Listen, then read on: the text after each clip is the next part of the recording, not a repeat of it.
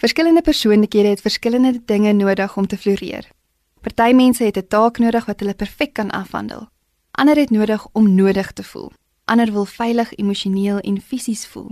Daar is mense wat in hulle element is as hulle iets kreatief kan doen of as hulle in die natuur is. Daar is mense wat voel hulle kom tot hulle reg as hulle vir iemand kan opstaan of help. God het ons so gemaak dat sekere dinge vir ons lewe gee en ander ons laat voel asof ons verlep.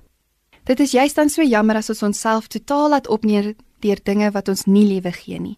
Natuurlik kan ons nie altyd kies of ons werk of nie. Daar is sekere eise wat op ons gestel is en wat ons nie kan ontduik nie. Maar tog is daar baie spasies in ons lewe waar ons kan kies om te funksioneer soos wat God ons gemaak het en om te doen dit waaroor ons regtig passievol is. As jy dan gedurig moeg voel, wonder wat die punt van alles is of worstel met die alledaagse dinge, vra jouself of jy nog dinge in jou lewe inbou wat jou help om te herlaai. In Matteus 25 staan die gelykenis van die talente. Die eienaar gee vir elke slaaf soos wat hy goed dink. Die slaaf wat dit wat hy kry gebruik en geniet floreer. Hy is goed daarmee, hy gebruik dit. Mens kan amper die opgewondenheid voel terwyl hy groei en vooruitgaan. Sy eienaar is trots op hom en beloon hom. Onderliggend voel dit asof die eienaar vir hom 'n kans gegee het en hom vertrou het dat hy in staat is om iets te doen. Die eienaar is nie net bly vir die wins nie, maar ook bly vir die slaaf wat aanleiding gegee het tot die geleentheid. Die een wat dit begrawe, wat doen hy? Waarmee hou hy homself besig terwyl die eienaar weg is? Die alledaagse bekommernis, die stres van wat as, geen vooruitsig, geen drome, groei of hoop vir iets opwindend nie. Hy gaan net aan.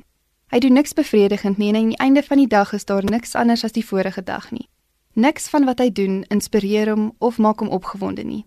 Niks wat hy doen gee hom energie nie. Niks van sy keuse gee hom lewe nie.